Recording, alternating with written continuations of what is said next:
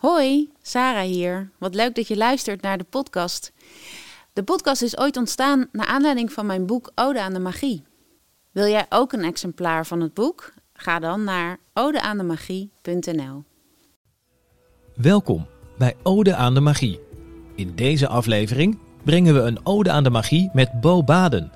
Een schrijver, lofdichter en onderzoeker. Of is hij eigenlijk meer ondervinder? Hij sprong ooit als activist op de tafel in de Tweede Kamer, levert graag een positieve bijdrage, zet zich in voor het verbeteren van gezondheid middels de promotie van vitamine B12 en vroeg de onzichtbare wereld ooit vol overgave om een website en een webshop. Of hij die ook kreeg, dat hoor je straks. Als ik nou echt open voor ben, dan zou ik het zo blind als een tarotdek, zeg maar. Met je linkerhand zo, moet je eigenlijk zo blind dan het boek eruit als ik er echt open voor ben. Dus ik ging blind voor die kast staan en ik ging zo met mijn hand. En ja hoor, ik pakte precies dat boek eruit van hem. Geen water, geen maan. En toen sprong ik op de regeringstafel en toen zei ik stop maar met dit theater. Dit is een festival of fools. Jullie luisteren niet naar de mensen. En toen kwam de zin voorbereid. Vertel mij, wat heb je aan het recht op demonstratie als er geen plicht is om te luisteren? Hey, wat fijn dat je er weer bent. En uh, wij zijn er ook. En misschien, als jij een, uh, iemand bent met een getraind oor, dan neem je waar dat, uh, dat we een beetje anders klinken. Dat de omgeving anders klinkt. Dan hoor je een vogeltje misschien wel fluiten of een trekker langsrijden. Want wij zijn in een andere studio met deze opname. We zijn in prachtige Putten, hier te gast op een mooie boerderij.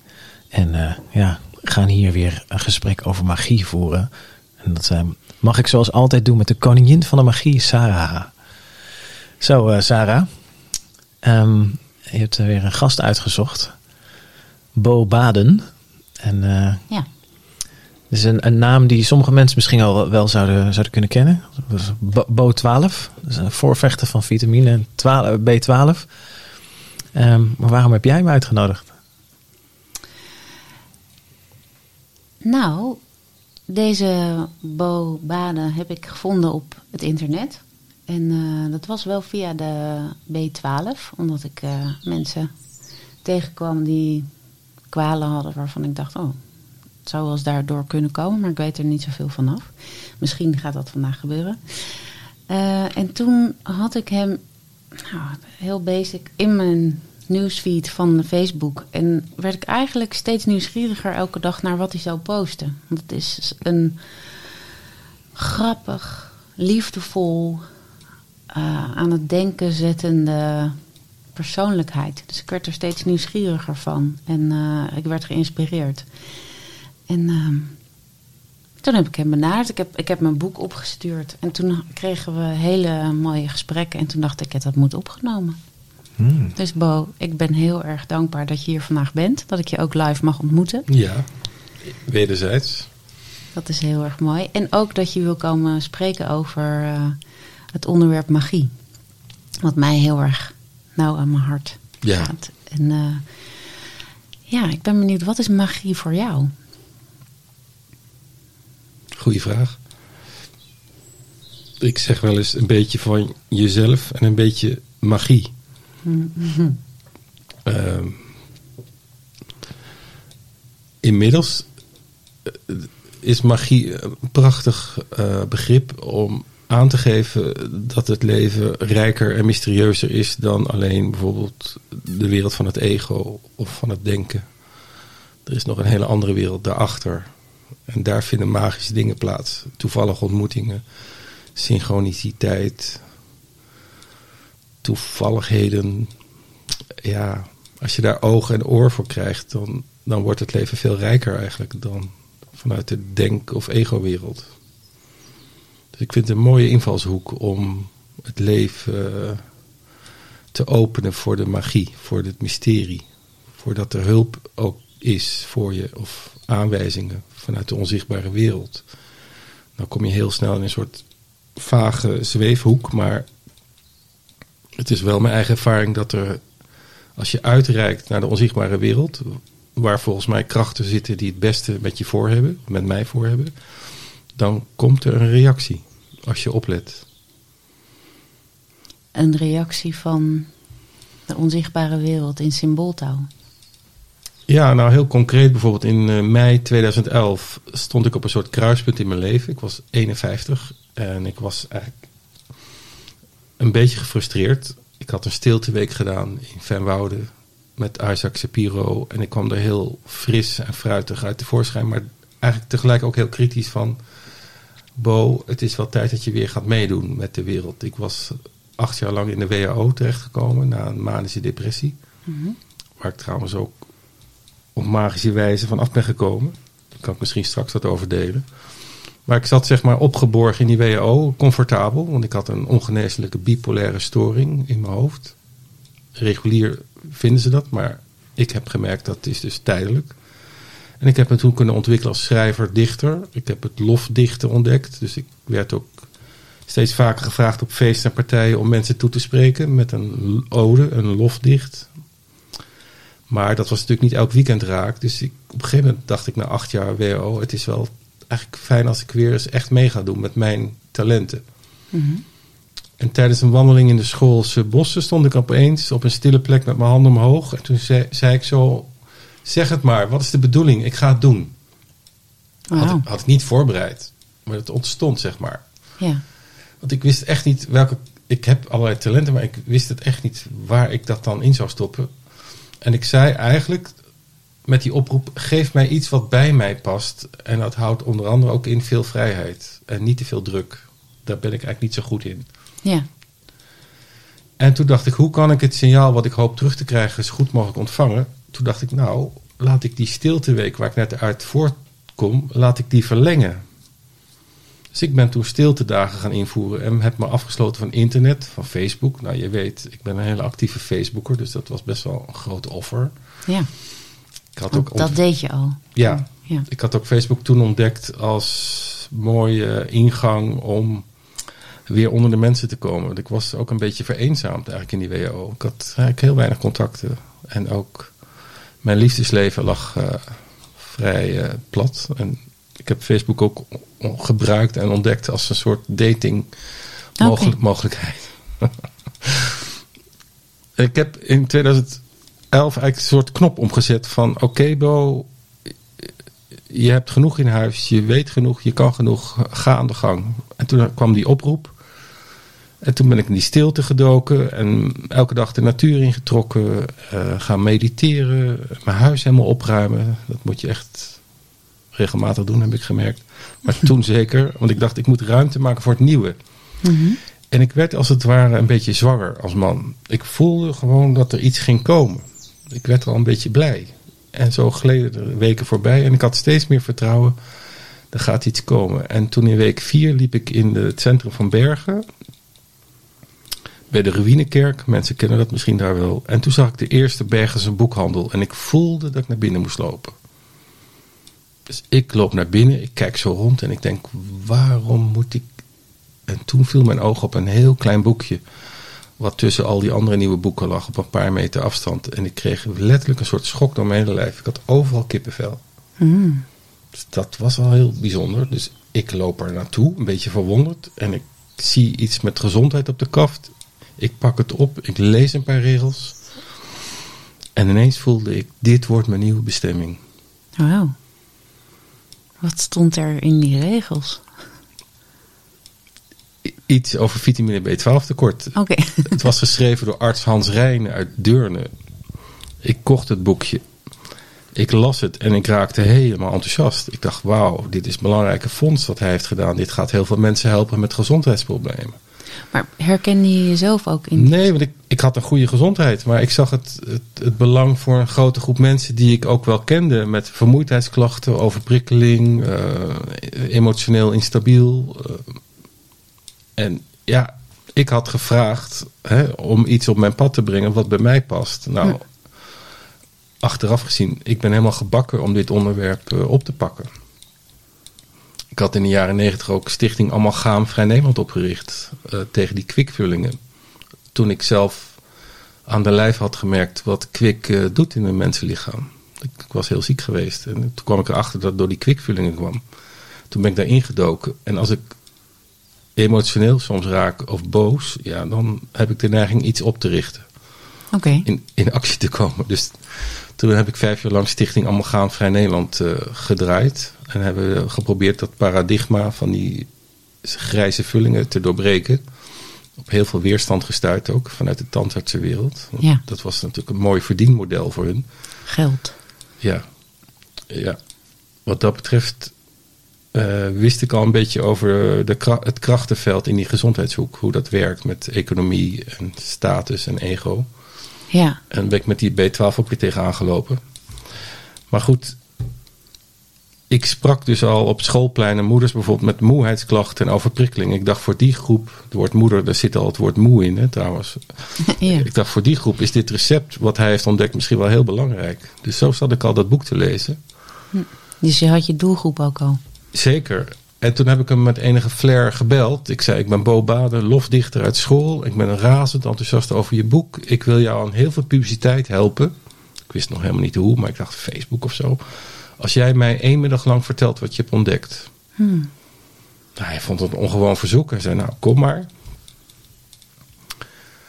Nou ja, ik, ik aarzel even om door te praten, want ik ben nou heel lang aan het woord. Gaat het goed zo? Is het, Ja, ik, Ja. ik vind het prachtig hoe het gaat. Ja? Ja. Oké, ik check even. Jij hebt het zelf ook door en ik had het ook door. En ik was ook even aan het checken bij mezelf, hoe gaat dit? Ik, maar het is heel fijn om naar je te luisteren en het, en het is heel magisch. Ja, Dus, en toen?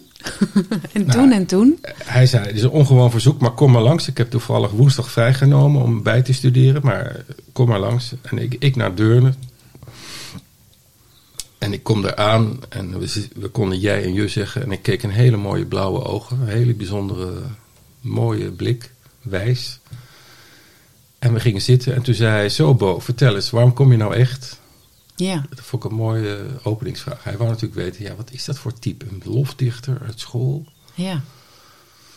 En ik had wel een stiekem plan dat hij me ook kon doormeten. Want hij had toen een wachttijd van een jaar. Dus dat was wel een soort achterdeurtje. Maar ik, ik zei spontaan, Hans, ik kom alleen al om te zeggen chapeau voor wat jij gedaan hebt aan diepteonderzoek. Je hebt een belangrijk gezondheidsonderwerp ontdekt. Je hebt de verantwoordelijkheid gevoeld om het helemaal uit te pluizen. En daarna om het ook nog eens naar buiten te brengen via een boek en via een congres. Chapeau, zei ik.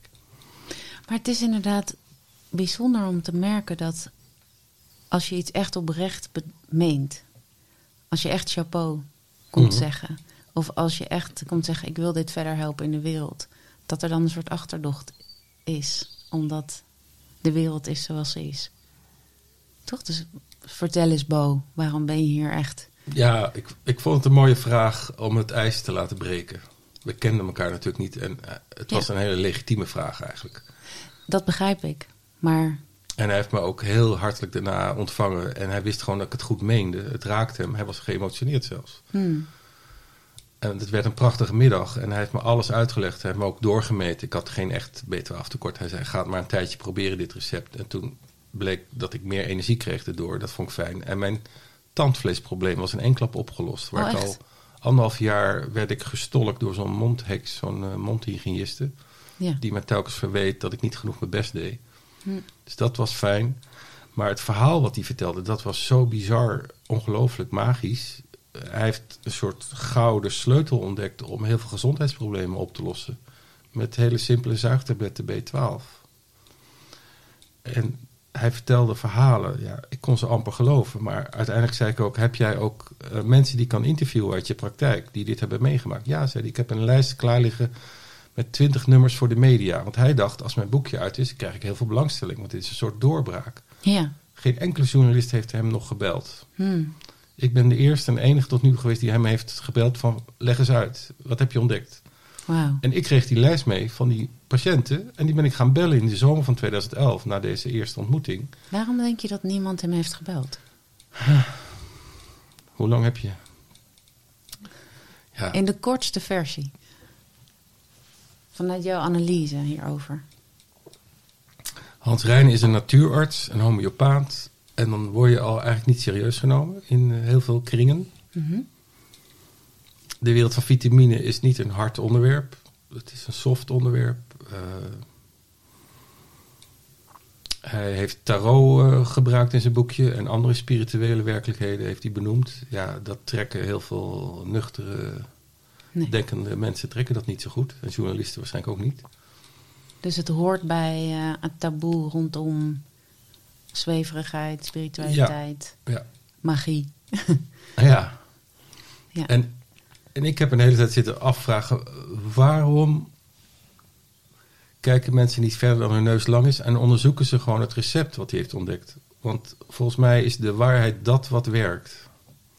Ja, werkt iets wel of werkt iets niet? Heel simpel. ja, Daar hoef je verder helemaal niet ingewikkelde discussies over te voeren. En zijn recept werkt voor heel veel mensen. Voor 90% heeft het een positieve bijdrage, hebben we inmiddels ontdekt. Van, ja, er is bewijs. ja, er zijn ervaringsverhalen. Ik heb die mensen geïnterviewd uit zijn praktijk. Dat waren er 20. Nou, mensen met ME, MS, autisme, dementie, leerproblemen bij kinderen.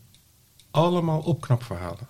Van redelijk goed tot en met spectaculair. Dat ze in één klap in vier maanden er helemaal van af waren. Fibromyalgie. Een vrouw in een rolstoel, Maria van Bommel uit Eindhoven. Die zat negen jaar in een rolstoel. Na een ski-ongeluk had ze een beenbreuk. En die genezing stagneerde ergens. En ze had ondraaglijke pijn. En ze had morfinepleisters. En ze, ze moest in de rolstoel. En het hele huis omgebouwd. Ze kwam uiteindelijk bij Hans Rijnen. En die zei, ja, jouw hele genezing stagneert door een groot B12-gebrek. Ik ga jou de hoogste dosering geven, de 10.000 microgram. Powerpakket noemen we dat tegenwoordig. Zij knapte in vier, vijf maanden zodanig op dat ze de rolstoel weer aan de heeft kunnen hangen. En de hele huis weer in de oude staat. Dat is dan één van die twintig verhalen. Dus toen wist ik, dit is waar. Toen dacht ik, er moet een website van komen. En ondertussen kreeg ik af en toe les van Hans Reiner. Dus mijn kennis groeide en ik was heel veel informatie aan het intikken in de computer. Ik dacht, er moet een website komen. Toen ben ik voor de tweede keer in die bossen van school gaan staan op hetzelfde plekje. En toen heb ik nogmaals een oproep gedaan aan de onzichtbare wereld. Ik stond ook weer zo. Ik zei dank en ik wil graag ook, ook, ook nog een website en een webshop. Dat heb je besteld. Ik vroeg het gewoon. en ik liet het ernaar los. Want ik had inmiddels geleerd, je moet het ook helemaal loslaten van hoe het dan komt. En toen kwam de hulp heel onverwacht. Wil je dat ook weten? Ja, Dat is magie. ja. Ja. Nou, ik was als een bezetene heel hard aan het werk. Op zich hou ik niet zo heel erg van hard werken, maar wel als je bevlogen bent hè, over een onderwerp. En ik had volgens mij iets heel belangrijks te pakken. Dus ik dacht ook, er moet er bijvoorbeeld een symptomenlijst komen met alle klachten die je van B12 uit alle internationale bronnen die ik kon vinden, plus alle wetenschappelijk bewijs wat er intussen is. Dus ik had ook meer dan 700 wetenschappelijke noten verzameld, waar je op kon klikken. En dus ik had al een maand besteed aan die symptomenlijst met 700 wetenschap. En in oktober 2011 was ik aan het tikken en opeens crashte mijn computer. Alle teksten waren weg. Oh, Kun je je voorstellen hoe dat voelt? ja. En ik had geen goede backup. Beetje dom, zou Maxima zeggen. Mhm. Dus ik belde in paniek rond. Ik dacht ondertussen, wat voor teken is dit van boven? Moet ik ermee kappen of zo? Dus ik belde rond. Weet, weet je iemand die dat kan repareren? Nou, uiteindelijk kwam er één naam door. Fabian, jonge HEO'er uit school... die in de avonturen voor een tientje per uur computers repareert. Dus hij kwam. Hij dook als een snoek achter mijn computer. Hij wou niks drinken. En hij ging met stickies aan, in de weer. eh, in en uit. USB-stickies. En niks lukte. En ik zat er duimend draaiend naast. Ik dacht, oh mijn god, laat dit, laat dit werken. Want ik had een half jaar werk eigenlijk. Ja, Bijna voor niks. verloren. En na anderhalf uur had hij het ineens voor elkaar. Hij sloeg alles snel op. Hij vroeg, wat doe je eigenlijk? En ik zei, nou, ik ben bezeten van vitamine B12, bla bla bla. Hij had kippenvel, zei hij later. Want hij zocht zoiets. Mm. We bleken allebei hetzelfde boek op hetzelfde moment te lezen. Terwijl we waren allebei verschillende personen. Ik was wat ouder, eh, meer dichterlijk, spiritueel. Hij een jonge HEO'er, meer rationeel, eh, economie. We bleken hetzelfde boek te lezen dat je misschien wel kent. Dat heet Een werkweek van vier uur per week. Van de Amerikaan Timothy Hupplepup. Timothy Huppeltepub. Dat als, was je, hem. als je tegenwoordig eh, iets goeds ontdekt waar een markt voor is, kun je vanuit je hangmat op Hawaii je eigen bedrijfje Ja. aansturen. Een beetje overdreven, maar. Mhm. Dus dat was ook al Ik ken magisch. boek, maar ik ben ook zijn naam kwijt. Ook magisch toch, dat we allebei hetzelfde boek. Ja, Hij is mijn compagnon geworden, Fabian. Hij heeft die website gebouwd, helemaal professioneel. natuurlijk. Een familielid van hem wou ons steunen, ook financieel, om een lening. Konden we voorraad B12 inkopen. En vanaf 15 januari 2012 konden we opengaan met vitamine B12 nu. En begonnen de bestellingen al binnen te druppelen. Wat al een sensatie op zich was. En gaandeweg ontdekten we dat er allerlei vulstoffen in al die merken zaten. Waar mensen kritische brieven over, mails. Door een toeval ontdekten we dat, dat dat allemaal ook niet hoefde. En binnen een paar maanden waren we mede producent van de schoonste B12 ter wereld. En konden we de prijs halveren. Toen we zagen hoeveel er wordt verdiend in die hoek. En dat, daar ging het ons niet om. En toen begon het helemaal te lopen. Ja, prachtig. En toen hoorden we ook via allerlei alternatieve bronnen dat de bovie-waarde, de, de trillingswaarde van onze supplementen, zijn de allerhoogste van alle voedingssupplementen. En wat is de trillingswaarde? Ja, alles heeft een trilling. Hè? Deze microfoon, een appel, een kopje. Omdat het energie is. Ja, en dat kan je meten. En hoe meer waarde iets heeft, hoe hoger de trilling blijkt te zijn. Dus blijkbaar als je iets met een bepaalde intentie maakt, verhoogt dat de trilling. Dus het, de tabletten die wij hebben, die helpen mensen ook geestelijk of in hun frequentie. Dat is natuurlijk heel ongrijpbaar dit, maar het was in ieder geval wel weer een soort cadeau dat we dit hoorden. Waar, daar waren we helemaal niet mee bezig geweest. Ik begrijp nu wel meer dat ik ooit hoorde van iemand: vitamine B12 is een spiritueel tablet.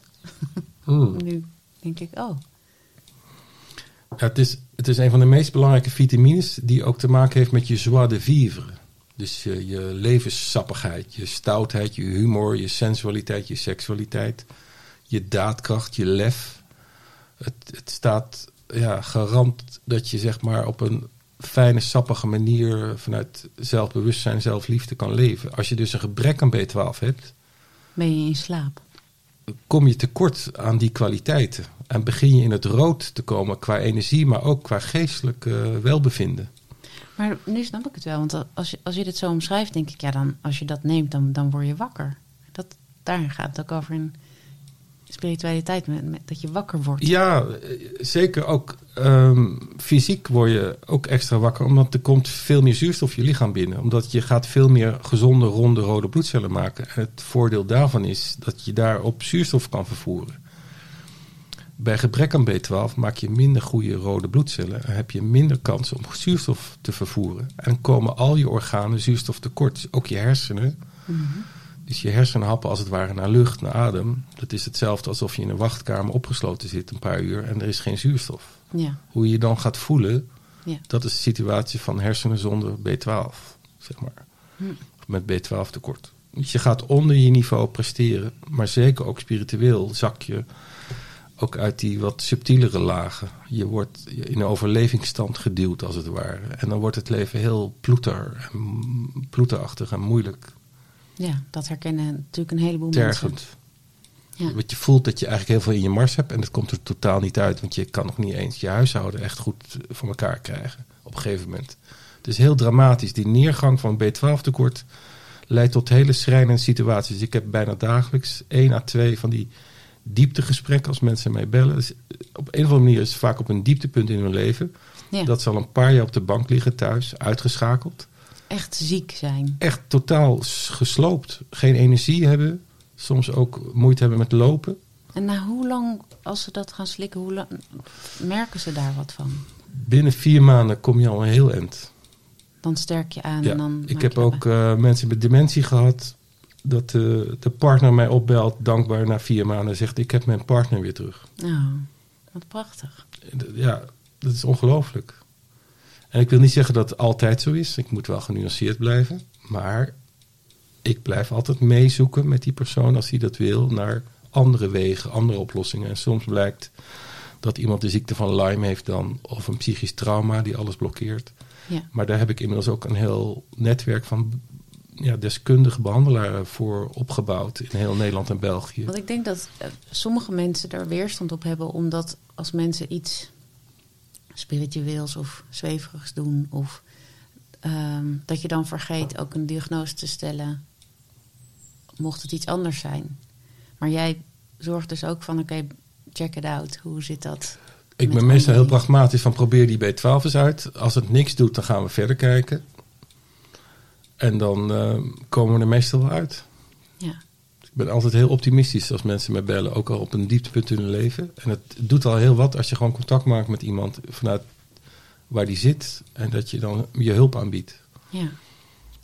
Hé, hey, maar Bo, ik zit de hele tijd naar je te luisteren en ik vind het heel erg mooi over B12. Maar wat ik daar doorheen hoor steeds is dat je zo gewillig bent om te luisteren naar de magie van het leven. Dat je daar zo ontspannen mee omgaat. Hoe, hoe ben je zo geworden? Een leuke vraag. Ja. Ja, ik ben daar per ongeluk achter gekomen op, op, allerlei manieren. Uh, bijvoorbeeld, uh, zes jaar geleden mediteerde ik en, en hoorde ik, doe dat nou maar. Want ik, ik zat te overwegen de schrijfweek te doen van Geert Kimpen, die schrijver. Die heeft een schrijfweek. Mm ik, ik, had plan om een eigen boek, maar dacht, die week gaat mij gewoon over een drempel duwen. En krijg ik de kneepjes van het vak te horen. En, uh, maar die, die week kostte 1600 euro. En ik kreeg tijdens de meditatie te horen, doe dat nou maar. En, uh, nog niet gedaan, ik had dat geld op dat moment niet. En toen voor een tweede keer hoorde ik die stem. En toen dacht ik, oké, nou doe ik het. Ik leen het wel van mijn eigen bedrijf. En op het moment dat ik dat geld wil overmaken, gaat de telefoon. Uh, ja, met die en die. Ik heb zes jaar geleden van jou een lof dichtbij gewoond. Ik ben het nooit vergeten. Ik heb je kaartje altijd bewaard. Mijn man uh, is eigenaar van een scheepsmotorenfabriek in uh, Krimpen aan de Lek of zo. Er gaan drie mensen afzwaaien na 40 jaar werk. Kun jij die toespreken, die mensen, met een lof dicht? Ik zeg, nou, is ook toevallig. Ik ben net geld aan het overmaken voor een schrijfweek. Uh, en dan kom jij met deze schrijfopdracht. Toen zei ze, oh, welk bedrag moet je overmaken? Ik zeg 1640 euro. Oh, zegt ze, nou spreken we toch dat bedrag af? Hmm. Ja, ik had kippenvel. Dat is toch magisch? Ja, dat is magisch. En echt zo naar boven van dank, weet je. En ik weet niet wie dat zijn of zo, maar in ieder geval dank. Je kijkt wel naar boven. Ja. Ja, want is dat boven? Ja, ik zeg het maar heel vaag. Dat zijn onzichtbare krachten die het beste met mij voor hebben. Ja. Wellicht overleden familieleden, gidsen, engelen. Misschien God of het goddelijke. Of jouw vertrouwen. Ja, of mijn hogere zelf. Het is ook fijn om het niet te weten, toch? Om het toe te laten. Ja, dat is heel fijn. Ik denk ook dat we het niet weten, of dat we niet weten welke frequentie dat is. Maar je zei, want ik vroeg aan jou wanneer ben je zo geworden? En toen zei je nou, dan kwam je met dit voorbeeld. En toen zei je toen dat je moest luisteren naar een stem in jou. Dus toen was je het eigenlijk al aan het doen. Dus het, is nog eerder. Ja. Bijvoorbeeld, ik studeerde af in 1980 in Arnhem op de Pedagogische Academie. En iedereen ging solliciteren van mijn klas. En ik was de enige die een soort huiver voelde van nee, ik voel me veel te jong. En wat heb ik eigenlijk meegemaakt? Hoe kan ik die kinderen wat leren? En ik dacht ook, ik zit vanaf mijn vierde jaar al tussen schoolmuren. Als ik niet oppas en ik zeg nu ja, dan zit ik tot mijn 65ste weer tussen schoolmuren. wil ik niet. Ik had een soort huiver. En ik voelde ook ergens, zeg ik nu achteraf, dat wat er in het onderwijs wordt aangeboden strookt niet met mijn ziel, zeg maar. Mm -hmm. ik, ik, ik ben een spirituele jongen, een jonge man. En ik geloof dat het onderwijs anders zou mogen. Maar dat kon ik toen helemaal niet goed benoemen, maar meer aanvoelen. Maar ik heb wel geluisterd naar mijn gevoel van, ik ga het gewoon niet doen. Ik zei toen tegen mijn vrienden, ik vind als je voor een klas gaat staan, moet je er ook achter kunnen staan. Dus toen kwam al die taal, dat taalplezier wat ik heb ontwikkeld, zeg maar. Ja. En toen ben ik de werkloosheid met volle vreugde ingedoken. En in Amsterdam raakte ik in het actiewezen verzeild. En ik had het op een gegeven moment zo druk dat ik niet eens tijd had voor een baan. Want toen ontstond de activist. Ja. Dus omdat je naar je intuïtie luisterde, toen werd daar een activist geboren. Het is waar de iconische foto vandaan komt. Dat jij op de tafel sprong tegen de kernenergie? Of kruisraketten. Tegen ja. de kruisraketten. Ja, dat was ongeveer het hoogtepunt van mijn actieperiode van 1980 tot 84. Dat is wel de meest geweldige foto. Lubbers op de achtergrond. Ja, Ja. De luisteraars maar even opzoeken als ze dat leuk vinden. Het was 13 juni 1984. Ik zal het nooit vergeten, uiteraard. Ik, ik liep op uh, Binnenhof met een groep demonstranten. En ik voelde, ja, het is gewoon folklore.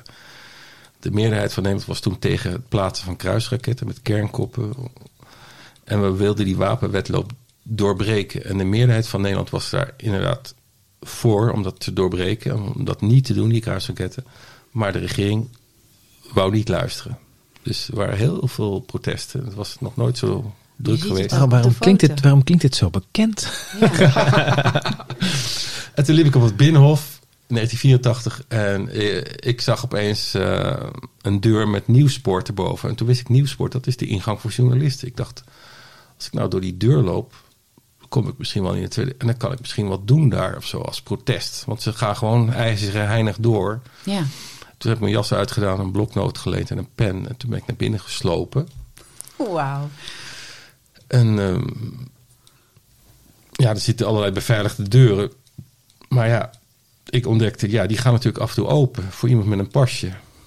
Dus dan kun je gewoon achter diegene aanlopen, toch? Die, dus zo kwam ik binnen een tijd binnen in de Tweede Kamer. Je liep gewoon achter iemand aan. Ja. En, dat en het was allemaal perfect aangegeven. Dit is 1984. Ja, okay, en nee, toen, ben ik, weer... toen ben ik ontdekt op een gegeven moment, werd ik er weer uitgezet. Toen stond ik buiten en toen was er weer die omloop van het volk, heette dat binnenhof. En ik dacht, ja, het is zo zinloos. Maar ik ben eigenlijk de enige die eigenlijk weet hoe die binnen kan komen nu. En ik kan namens iedereen uh, wat gaan zeggen daar. Dus, dus zat ik heel erg lang te twijfelen, zal ik het doen, zal ik het niet doen? En wat ga ik dan zeggen? Want Ja. je kan niet alleen maar schelden. Dus jeetje, Mina. Nou, en toen dacht ik, nou, ik ga het gewoon nog een keer proberen. Weer binnengekomen en toen op de wc gaan zitten. En heel lang zitten nadenken. Wat zou ik, ik kan ook graffiti hier op de. Ik dacht, nee, het is gewoon veel leuker. Maar wat ga ik dan zeggen? Oh ja, ga ik dat en dat en dat zeggen? En toen maakte ik, ging ik weer naar het debat luisteren achter die groene gordijnen daar. En toen had ik een praatje met Den L. Want ik dacht, het moet ook een beetje overkomen alsof ik al jaren kom. Dus ik vroeg aan hem, die zaken zijn lang beklonken. Ja, ja, zei hij. Het is allemaal voor de bühne. En toen hoorde ik nog uh, Kamerleden in de bankjes uh, klagen over declaraties die niet goed gelukt waren. En ik dacht, mijn god, wat, het was ook een soort cultuurschok wat ik daar ineens was. En Ja. het Dus- voelde zo niet echt daar. En, en, en ik dacht, oh, ik durf het niet. Ze schieten me dadelijk neer of zo. Maar toen opeens kwam Nijpels aan het woord. Dat was van de VVD. En dat was een soort rode lap voor me. En toen werd ik zo boos. En toen oké, nu. En toen met een paar... En ik had ook al gedacht waar ik ging staan. Ik dacht op de regeringstafel, maar niet pal voor ze. Want dat is heel bedreigend. Maar net op, op, een, op een meter afstand. Dus voor... Dit, dit ging allemaal door jouw hoofd. Ja. Oké. En toen sprong ik op de regeringstafel en toen zei ik: Stop maar met dit theater. Dit is een festival of fools. Jullie luisteren niet naar de mensen. En toen kwam de zin voorbereid. Vertel mij, wat heb je aan het recht op demonstratie als er geen plicht is om te luisteren? Aan het recht heb je niets, niets, niets. Later bleek dat live op tv overal te horen was in de huiskamer. Zo hard schreeuwde ik. En alle fotografen aan het knippen. De volgende dag stond ik op alle voorpagina's. Was ook heel onwezenlijk. Toen bleef ik maar door uh, praten. En toen zei ik uit het laatst, en die kruisraketten komen maar niet. En toen werd ik achter die groene gordijnen daar getrokken door twee kamerbodes. En toen uh, ben ik urenlang verhoord door de politie. Die waren zich wild geschrokken. De hoofdbeveiliging is ook ontslagen, hoorde ik later. Dat lijkt mij wel. En ze hebben voor miljoenen dat gebouw aangepast. Ja. En toen kreeg ik vragen als, uh, ook hoe lang heb je dit voorbereid? Ik zei, nou, toch zeker een kwartier, zei ik. maar hoe wist je dan de weg? Ik zeg, nou, het is perfect aangegeven. Mijn complimenten, zei ik. Maar je moet toch een pasje hebben? Ik zeg, nou, dat heb ik net jullie ook uitgelegd. Dat hoeft helemaal niet. En ben je soms verslaafd? Ik zei, nou, aan drop. En uh, wie zijn je vrienden? Ja, wist ik dat maar, zei ik. Ik had dus inmiddels mezelf vertrouwen. Ik was eventjes uh, in elkaar gestort na die spanning. En ik moest even heel erg huilen. Maar dat was ook wel goed, want ze sloegen me toen ook niet in elkaar.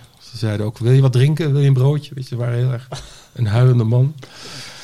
Wauw. En toen dreigde ze dat ik 13 jaar in het gevangenis kon komen. Maar goed, s'avonds hebben ze me weer vrijgelaten. En op straat werd ik al herkend en omhelst. Dat was een, een soort Oh, wow. uh, warm bad waar ik in terecht kwam. Maar ja, dit is ook een magisch verhaal, hè, ergens. Een warm bad voor baden. Ja, maar wat voor banen. Maar je hebt wel ervoor gezorgd dat je werd gehoord. Ja, Dus je moet ook gehoord willen worden. Je creëerde je eigen podium. Ja, En per ongeluk kwam dat bij iedereen thuis. ja. En, en de dag daarna werd ik door alle talkshows en radioprogramma's geïnterviewd. En kon ik nog dieper uitleggen. Want nu werd ik hier en daar afgedaan, een soort emotionele man. Mhm. Die in huilen uitbarstte. Maar het zat me zo diep, het kat zat er zo in. Maar het was ook tegelijk het eindpunt van mijn actietijd. Want kort erop dacht ik twee dingen. Wil ik met deze mensen die betere wereld creëren? Dat waren dus in Amsterdam waren dat toenemende mate zwarte jackies, helmen, krakers, toestanden, bommen, Ja. geweld. En daar voelde ik me totaal niet in thuis. Dus ik schrok eigenlijk van mijn medestanders of zo. Want dat waren mede-activisten. Ja, toen had alles met alles te maken. Dus je werd ook inge, als er een demonstratie tegen kernenergie was. Of tegen woningnood. Of je rolde van het een in het ander eigenlijk. Het was een soort telefoonlijn ook. En er waren ook krakerscafés. En, Is toch weinig veranderd in 40 jaar eigenlijk. en de tweede vraag ging nog dieper. Toen dacht ik, stel dat al mijn acties zouden lukken. Zou ik dan gelukkig zijn? En toen dacht ik, nee. Dus ik trof eigenlijk een soort innerlijke leegte in mezelf aan. Waar- Waarom niet? ja, ik Waarom dacht, zou je dan niet gelukkig zijn? Omdat het geluk zit niet in uiterlijk succes, zeg maar. Of dat de wereld naar je hand wordt gezet. Of... Ik, ik voelde een soort existentiële leegte.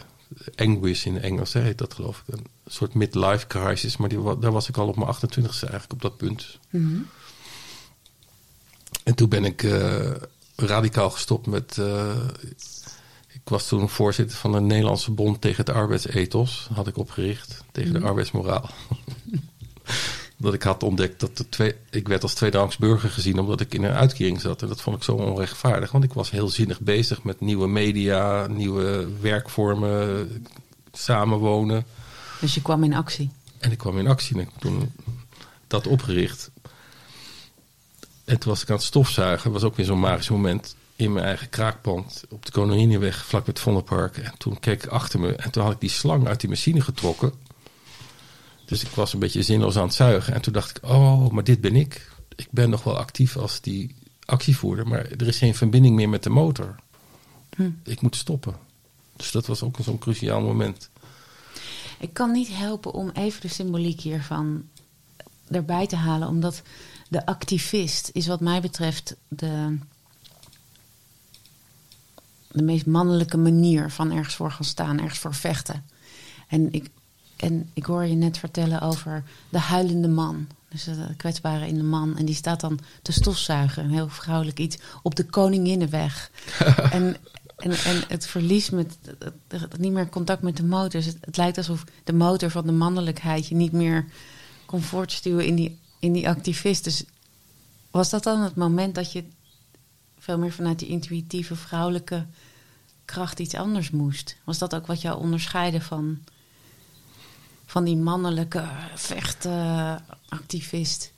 Hmm, wat een mooie observatie. Ben je coach of zo? Nee. Ik ben symboolfreak. jij, jij somde net koninginnen en Ja. stofzuigers en, Ja. en huilende mannen. En toen dacht ik, Nou ja, ik, Hoi. ik, ik heb de pech gehad om niet een ideale vader als voorbeeld te hebben gehad. Hij was eh, agressief en had een drankprobleem. Dus ik heb een hele onveilige jeugd gehad. Dus ik heb me niet kunnen spiegelen aan een hele betrouwbare, fijne vader. Dus ik ben van daaruit automatisch wat meer op mijn moeder gaan letten en op vrouwen. Eh, en het is een beetje uit balans geraakt in mijn leven. Dus ik heb meer een soort vrouwgerichte benadering gehad. maar ik zou je bijna mee willen feliciteren. En dat heeft zeker toegeleid dat mijn vrouwelijke kant is sterk ontwikkeld. En eigenlijk ook wel die mannelijke kant, door die daadkracht en het oprichten en het actie, eh, zeker. Maar ik ben me de laatste anderhalf jaar wat meer met mannen ook aan het verbinden. En ook in mannengroepen af en toe doe ik mee. Omdat ik dat toch ook heel fijn vind. Wat is een mannengroep? Wat dat is? Ja, Nou, bijvoorbeeld een mannenfestival van drie dagen eh, met 160 mannen heb ik vorig jaar. En dan is er eh, van alles mogelijk. zweethut, mantra zingen, eh, hout hakken, praten, delen, plezier hebben. zijn daar echte mannen? Nou, ik was verrast inderdaad. Ik had een soort huiver van... wat voor soort mannen ga ik daar aantreffen? Die heel erg klagend of boos zijn op vrouwen. Maar het waren eigenlijk allemaal hele zelfbewust eh, in balans zijnde mannen. Die het fijn vinden om ook eens af en toe met de mannen eh, bij elkaar te komen. Zoals vrouwen dat ook soms doen. En- Maar wanneer is een man dan in balans? Ja, ik denk als hij het mannelijk en het vrouwelijk in zich verenigd heeft. Zowel de- Als hij aan het stofzuigen is op de Koninginnenweg en de, de verbinding verliest. Ja. En de intuïtieve kant eh, ook actief opzoekt. Zoals ik dat doe. En ook via meditatie heb geleerd. Ja, En me openstel voor de wereld voorbij het ego. Ik denk dat ego ook best wel mannelijk kan zijn. Hè? De, ja. Ik denk dat ego ook vrouwelijk kan Ja. zijn. Ik denk dat ego weer een heel andere drijfveer is. ja.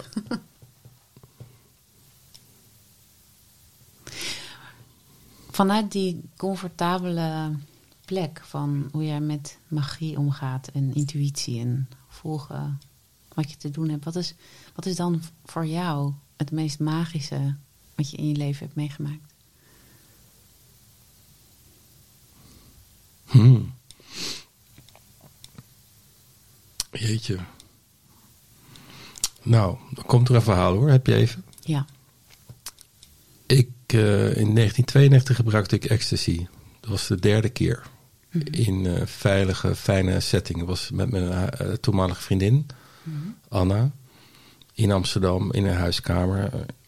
En het was een hele fijne reis. En zij werd moe en, wou naar bed gaan. En ik zei, nou, ik heb het gevoel dat ik nog even wil blijven. Dus ik bleef achter in die huiskamer. Ik zat tegen de muur met mooie muziek. En ik deed mijn ogen dicht. En opeens ehm, zag ik beelden van Londen. En ehm, dat ik naar buiten keek vanuit een raam. En op de trottoir de mensen zag lopen. En het totaal zinloos vond allemaal. Dat gedoe van mensen. En ik realiseerde me hoe ongelukkig ik me voelde. En opeens begon ik gedichten in het Engels eh, op te zeggen. Die heb ik toen ook op, opgenomen op een cassette recorder. En ik had een heel sterk gevoel dat ik die persoon dus was in, in Londen toen. En die gedichten. En toen even later zag ik mezelf in een ziekenhuisbed liggen, omringd door witte jassen. En dat ik een keuze had op een gegeven moment om wel of niet wakker te worden. En dat ik toen dacht, no, I've had enough. En toen zag ik dus vanuit die ecstasy-sfeer zag ik mezelf opstijgen uit dat lichaam. In dat ziekenhuisbed. En toen werd ik heel mooi ontvangen door gidsen, engelen. En die zeiden, je hebt heel hard gewerkt, rust maar goed uit. En dat deed ik toen. In een hele mooie omgeving. En even later merkte ik dat ik heel snel weer terug wou naar aarde. En toen zeiden ze, nu al? Ik zeg, ja, ik heb heel veel zin. Maar toen zeiden ze, zou je dat wel doen bij die ouders? Toen zei ik, wel, dat maak ik wel. En toen zag ik dat ik ging. Dus dat was met ecstasy die ervaring. Londen, gedicht in het Engels, ziekenhuisbed, omringd door witte jassen. Dus ik vertelde dat de volgende dag aan mijn vriendin. Die was ook een beetje verrast en die vond die gedichten best wel mooi. En toevallig keek ik toen in de VPRO-gids wat er voor programma's zouden komen. En toen zag ik dat op zondagavond een eh, documentaire kwam over een Engelse dichter. En ik had het gevoel, die moet ik zien. Dat gevoel krijg ik nu ook. En ik ging zitten samen met mijn vriendin. En vanaf seconde 1 van die documentaire tot de laatste seconde heb ik alles herkend. Dus ik zag in feite mijn vorige leven als Engelse dichter aan me voorbij trekken. Met diezelfde gedichten die ik met ecstasy heb opgezegd. Hij is uiteindelijk gestorven in een ziekenhuisbed, omringd door witte jassen, na drie dagen coma. En is in 1953 gestorven. En ik ben in 1958 geboren, wat relatief een korte periode is Ja. tussen twee levens. En ik wist dus ineens wie dat is geweest. En daar zijn dus boeken over en autobiografieën. En het verklaarde zoveel in één keer dat ik even helemaal overdonderd was. Het heeft al een jaar geduurd. Dat ik ook groen en geel ervan werd. Want ik zat soms meer in dat vorige leven dan in mijn huidige leven. En toen nou, uiteindelijk heb ik het weer van me afgeschud. Maar het is natuurlijk ook wel een heel magisch verhaal. Ja. Dus je kwam via een reis in een vorig leven terecht. En- Hoe, hoe kon je dat dan? Het, het- ik vraag me zo af of je. Was je toen ook al spiritueel, zoals je het eh, volgens mij noemt, of bezig met met de onzichtbare wereld, zoals je het ook mooi zei? Of was dat het moment dat dat, nou, dat, dat zich aandiende, zeg maar? Dat, hey, er is veel meer. Een goede vraag, ja. Want de- toen ik net eh, afsloot over die actieperiode met die stofzuiger, dat ik me eigenlijk zo niet in verbinding met mijn bron. Toen ben ik radicaal gestopt met actievoeren en kwam ik in een soort niemandsland terecht. En ook weer een magisch verhaal. In oktober eh, 1984 zat ik bij mijn moeder thuis eh, samen te kijken naar mezelf in een programma dat heette Baanbrekers. Met Bart Peters als interviewer. Dat was anderhalve maand daarvoor opgenomen toen ik nog bevlogen was. Ik was in een witte smoking gehezen als werkloze met champagne. Het was heel leuk gedaan. het ging over hoe ik tegen de wereld aankeek. Maar ik zat dus bij mijn moeder en ik keek naar mezelf. En ik zei op een gegeven moment, ja, ik ken dit verhaal wel en ik sta er niet meer achter. Maar op het andere net is een documentaire over Bachman. En dat trekt mij aan. Zullen we daar naar kijken? En toen switchten we over naar... Dus ik nam eigenlijk afscheid van mezelf als actievoerder. Wauw, op de televisie Op de zag je jezelf en toen... En toen schakelden we naar het andere net. En er was een documentaire over Rashni Spuram. En dat heette De Nieuwe Mens van Frank Wiering. En op een of andere manier raakte me dat heel erg. Ik, ik zag de, de ogen van die sanjassins, die straalden zoveel levenslust uit. En ik had natuurlijk wel kritische gedachten over die rode kleren en, en zo'n goeroe. Maar ik was wel geraakt. En toen de volgende dag was ik weer terug in Amsterdam. En toen was er een krakersvergadering opstand tegenover Café Welling. Dat, is een mooie naam voor een krakerscafé opstand. En dat is ook opstand. Die, die wijk waar ik woon, dat, werd een beetje als een soort luxe wijk gezien. Hè? Amsterdam-Zuid, Oud-Zuid. Nog steeds. En voor het eerst kwamen daar twee rode in het rood geklede sanjassins bij een krakersvergadering. Want het ging ook over hun pand. En na afloop van die vergadering kwam ik met hun in gesprek. En toen kon ik al mijn kritische vragen spuien. En ze hadden daar hele mooie antwoorden op. En ik was er geraakt. En toen zeiden ze, ja, je moet maar een keer een boek van hem lezen. En toen kwam ik thuis in mijn, in mijn kraakpand. En toen zei ik dat tegen eh, iemand. En die zei, oh, ik heb wel een boek van hem. Moet je maar in mijn boekenkast. eh. dus ik loop haar kamer in. En zag ik een enorme boekenkast. Toen dacht ik, als ik nou echt open voor ben... dan zou ik het zo blind, als een tarotdek, zeg maar... met je linkerhand zo, moet je eigenlijk zo blind dan het boek eruit... als ik er echt open voor ben. Dus ik ging blind voor die kast staan en ik ging zo met mijn hand... En ja hoor, ik pakte precies dat boek eruit van hem. Geen water, geen maan. Wauw. En toen begon ik te lezen en ja, toen viel zoveel op zijn plek. Dat ik binnen een tijd was ik verkocht. En ben ik de Bachman-beweging ingedoken. Wauw. Rode kleren? En uiteindelijk rode kleren. En afscheid genomen van mijn subcultuur. En ik werd ook niet goed begrepen en ook een beetje veroordeeld of lacherig. Ik weet niet of heel veel mensen doorhebben dat als je zept op tv, dat je dan ook echt je leven verandert. dat kan alleen jij. Nee, niet meer die witte smoking. We doen. Rood. En toen ben ik vijf jaar ondergedompeld in die subcultuur. En daar heb ik zeg maar al mijn antwoorden gevonden die ik zocht. En mezelf verder ontwikkeld als mens. En ook heel veel geheeld van die eh, jeugd van mij met die vader. En hij stierf in 1990. En daarna ben ik doorgegaan op dat spirituele plat, pad. En heb ik andere mensen eh, ontdekt die ook heel inspirerend zijn. Zoals Byron Katie, Isaac Shapiro, ehm, Eckhart Tolle. Ja, en inmiddels zie ik mezelf niet meer als zoeker, maar als vinder. En wat is dat verschil dan? Ik heb het gevoel dat ik het heb begrepen nu, waar het over gaat. Dat is natuurlijk een hele gevaarlijke uitspraak. Ja, ik wilde meteen zeggen, vertel. Wat heb jij begrepen? Nou ja. Ik heb bijvoorbeeld laatst een artikel geschreven dat heet De Vier Rode Olifanten van de Westerse Samenleving. Dat staat ook in, in het boek waar je... Ja, ik ben betrokken bij een nieuw tijdboek. Het, het, het is een eh, initiatief van Ferdinand van der Neut. Het is net verschenen, twee maanden oud. Het heet Lumens, L-U Mens. Eh, het is een inspirerend geheel van allemaal positieve verhalen, inspirerende verhalen over de nieuwe tijd, de, de nieuwe werkelijkheid.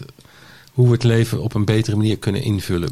Tijdboek als tegenhanger van het tijdschrift. Ja, want het is eigenlijk eh, het is niet zomaar een tijdschrift wat je weer weggooit. Het is echt een boek geworden en met een harde kaft.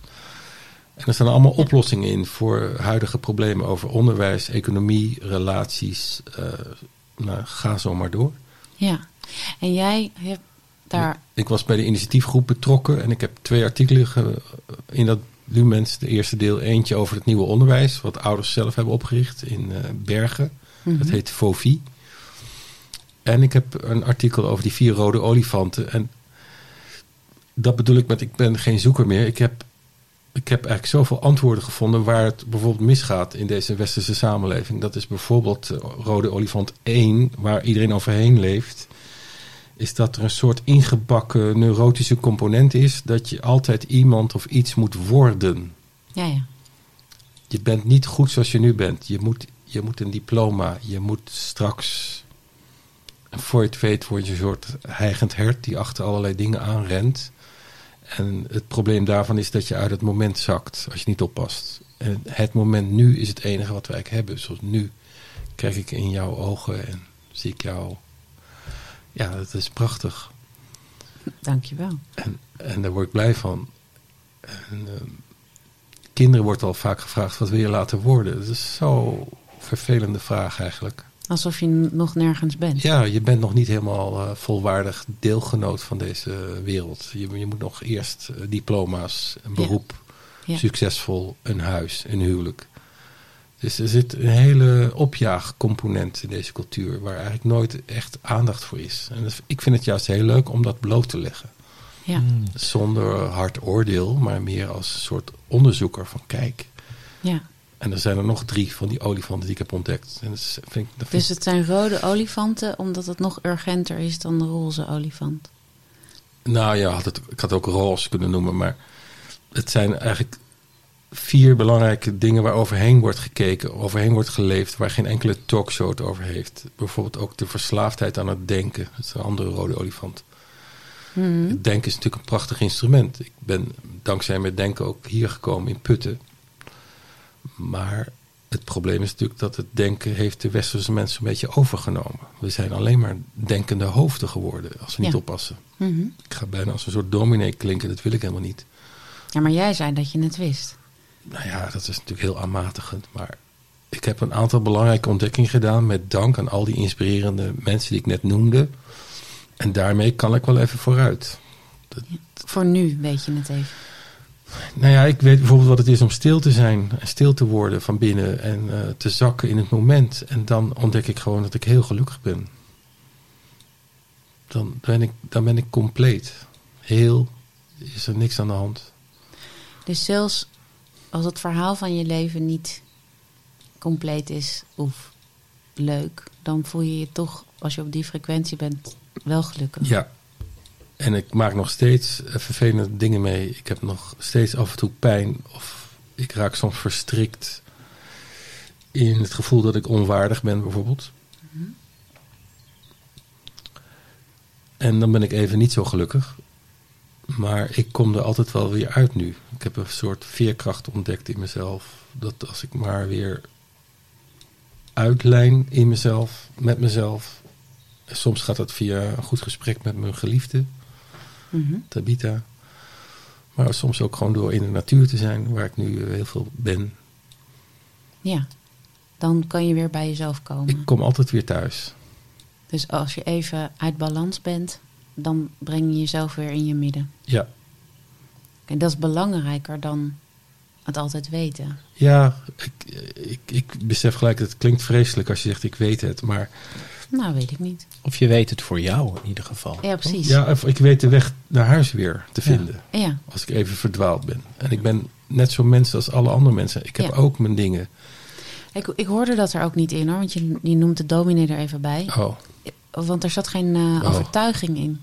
Ik voelde niet dat jij probeerde mij te overtuigen. Het was alleen inderdaad wat Lars zegt. Je weet het even voor jezelf. wat ik bijvoorbeeld geleerd heb, is dat ik durf te zakken in het niet weten. Weet je? Ja. En dat is al zo vernieuwend en verfrissend om dat regelmatig toe te staan. Van ik weet het gewoon niet. Bijvoorbeeld over Oekraïne, ik weet het niet. Over corona, ik weet het eigenlijk helemaal niet. En, Nee. dat, en dat vind ik eigenlijk heel erg ontspannend. Is dat precies het tegenovergestelde van de activist? Ja, Is dat dan, is het niet weten dan ook het vrouwelijke? Wat meer. ja dat denk ik wel, ja. Ja. Ik, ik raak minder snel uit mezelf, denk ik, nu. Ik vlieg minder uit de bocht. Grappig dat, dat, dat je minder snel uit de bocht vliegt als je het niet weet. En we denken altijd, we moeten het weten. Want Ja. dan hebben we controle. Maar het is zo'n prachtige ingang om, om daar mee te beginnen. Van ik weet het niet. En kunnen we elkaar daarin ontmoeten. Maar als je durft te zeggen, ik weet het niet, dan ben je bereid eh, vanuit nieuwsgierigheid te onderzoeken. En dan kan het antwoord jou vinden. Ja, Is dus- dat wat je bedoelde met ik ben niet meer aan het zoeken, maar ik ben aan het vinden? Ja, maar bijvoorbeeld ook door een bos lopen. Ik hoef eigenlijk niet te weten hoe alles heet. Ik kan gewoon het op me in laten komen. En Isaac Shapiro heeft wat dat betreft een hele mooie oefening eh, meegegeven. Schiet me nu te binnen. Hij zegt ook, eh, we zijn zo gewend heel actief uit onze ogen te kijken. Van, wat is daar allemaal? Ja. Stel je nou eens voor dat die ogen van jou twee holle gaten zijn waar alles naar binnen valt. Dat kun je nu ook even oefenen zo. Dat is het ontvangende principe. Ja. En als je dat doet, wat ik nu doe, dan zie ik jou, ik zie Lars vanuit mijn ooghoek, ik zie deze hele ruimte. En ik kom gelijk in een hele stille, aangename sfeer, waarin Mhm. eigenlijk alles oké is. En ik ben veel minder actief naar buiten aan het kijken. Dus dat is, zijn ook van die trucjes die je af en toe kan toepassen om bijvoorbeeld in een bos het op je in te laten werken, wat er eigenlijk om je heen staat. Ja. Dus het is echt het verschil tussen willen doorzien of ontvangen. Ja. En dan wordt het leven magischer. Dit zijn de trucs van de magier. Ja. Wat mooi. De ogen zijn natuurlijk heel eh, stressvol vaak. Of, of heel actief. En willen grijpen, begrijpen. Ja. eh, scannen op gevaar ook. Hè? Nou ja, het woord zegt het al. Grijpen. Ja. Ja, ja. Buiten jezelf. Het is niet ontvangen. Nee. Het is heel feminien. hè? Eh, zo, Ja. zo kijken, ja. Ja, ontvangende. Ben je dan ook nu dus minder activistisch? Nu je ja, dus meer, meer kijkt en laat en niet weet. En, eh, of ehm, heeft het gewoon een andere vorm? Ben je nog steeds wel van dingen oprichten? Alleen dan vanuit een ander vertrekpunt. Mooie vraag. Ehm, ja, ik, ik merk op mijn Facebook zet ik dagelijks drie, vier berichten en je hebt, je hebt ze ontdekt. Hè? Eh, Het heeft, ik, heb, ik heb elke dag zet ik bijvoorbeeld een, een dierenfoto op. En, en dat is dan mijn bijdrage aan het geheel. Ik, ik zeg ook, dat heb ik ook verzonnen, dat wordt mijn blijdrage. Dus dieren zijn ook gidsen. Ehm, ik neem eigenlijk zelden een standpunt meer in over iets. Of ik laat af en toe wel doorschemeren dat ik wel mijn bedenkingen heb bij al die inentingen bijvoorbeeld. Maar ik, ik ga niet meer heel hard de dualiteit in. Want ik, ik word daar eigenlijk niet goed van. Dat voor en tegen. En Het ik, vechten. Het vechten, ja. Dat, dat, daar hou ik niet meer van. Het- ik ben wat dat betreft wel veranderd. Word je nu makkelijker gehoord dat je niet vecht, maar wel ergens voor staat? Want je wordt behoorlijk geliked. Om het maar in die Facebook-taal te houden. Ja, dat verrast mij soms ook. Dat besef ik helemaal niet zo. Maar het heeft blijkbaar een hele aangename invloed op eh, mensen die het fijn vinden om hier dagelijks van te drinken wat ik daarop zet. En ik zet er ook vaak humor op, of iets met humor. Dat vind ik ook eigenlijk een hele belangrijke kwaliteit. Die, als je niet oppast, uit het leven wegcijpelt. Als je heel erg fanatiek over iets boos bent, of eh, je mening wil verkondigen. Of ook in de spirituele wereld kom ik ook heel veel seriositeit tegen. En ja, Het is wel heel mooi nu dat je dit zegt. En eh, dat je net had over de dieren. En nu komen voor het eerst de paarden voor het raam. Jouw rugdekking te geven. Die gaan echt oplijnen achter jou. Die zien wij hier door het raam. Dus dat was heel mooi. oh ja. Toen je het over de dieren had, zag ik de schaduw al komen. En nu Oh, gaan ze zich echt achter jou. eh. en dat raakt je. Ik, ik hou van de, van de dieren. Dat is alleen maar liefde en een energetisch veld. Ja. Die zijn in dat veld. Die me doen niet zo moeilijk over. Oeh ja, zweverig. Nee hoor, dat is paard. Dat is gegrond. Dat is gewoon intuïtief veld. Nou, dan, hebben we hier, dan sta je hier en dan ben je... Ja, vind ik heel mooi. Hmm. Ik vind het liefdevol dat ze ja, achter je gaan staan, Ja, letterlijk. dan zijn we maatjes. Nou, ze staan voor wa- wat jij net zei. Hmm. Ja. Ja, en ik, ik ben ook heel erg in een, man van het hart geworden. Hart, hartverwarmer, harten veroverende, hartelijke hartman. Ik geloof dat het hart de mooiste connectie is tussen mensen. Dat bindt en verbindt. Ja, dat is, nou, dan, dat, dit is de definitie van wat paarden doen. Ik heb begrepen dat als je langer dan 20 minuten met elkaar spreekt, op zo'n wijze, dat harten zich op elkaar afstemmen en dat ze gelijk kloppen. Hmm. Dus op die frequentie is daar, Ja. is daar verbinding.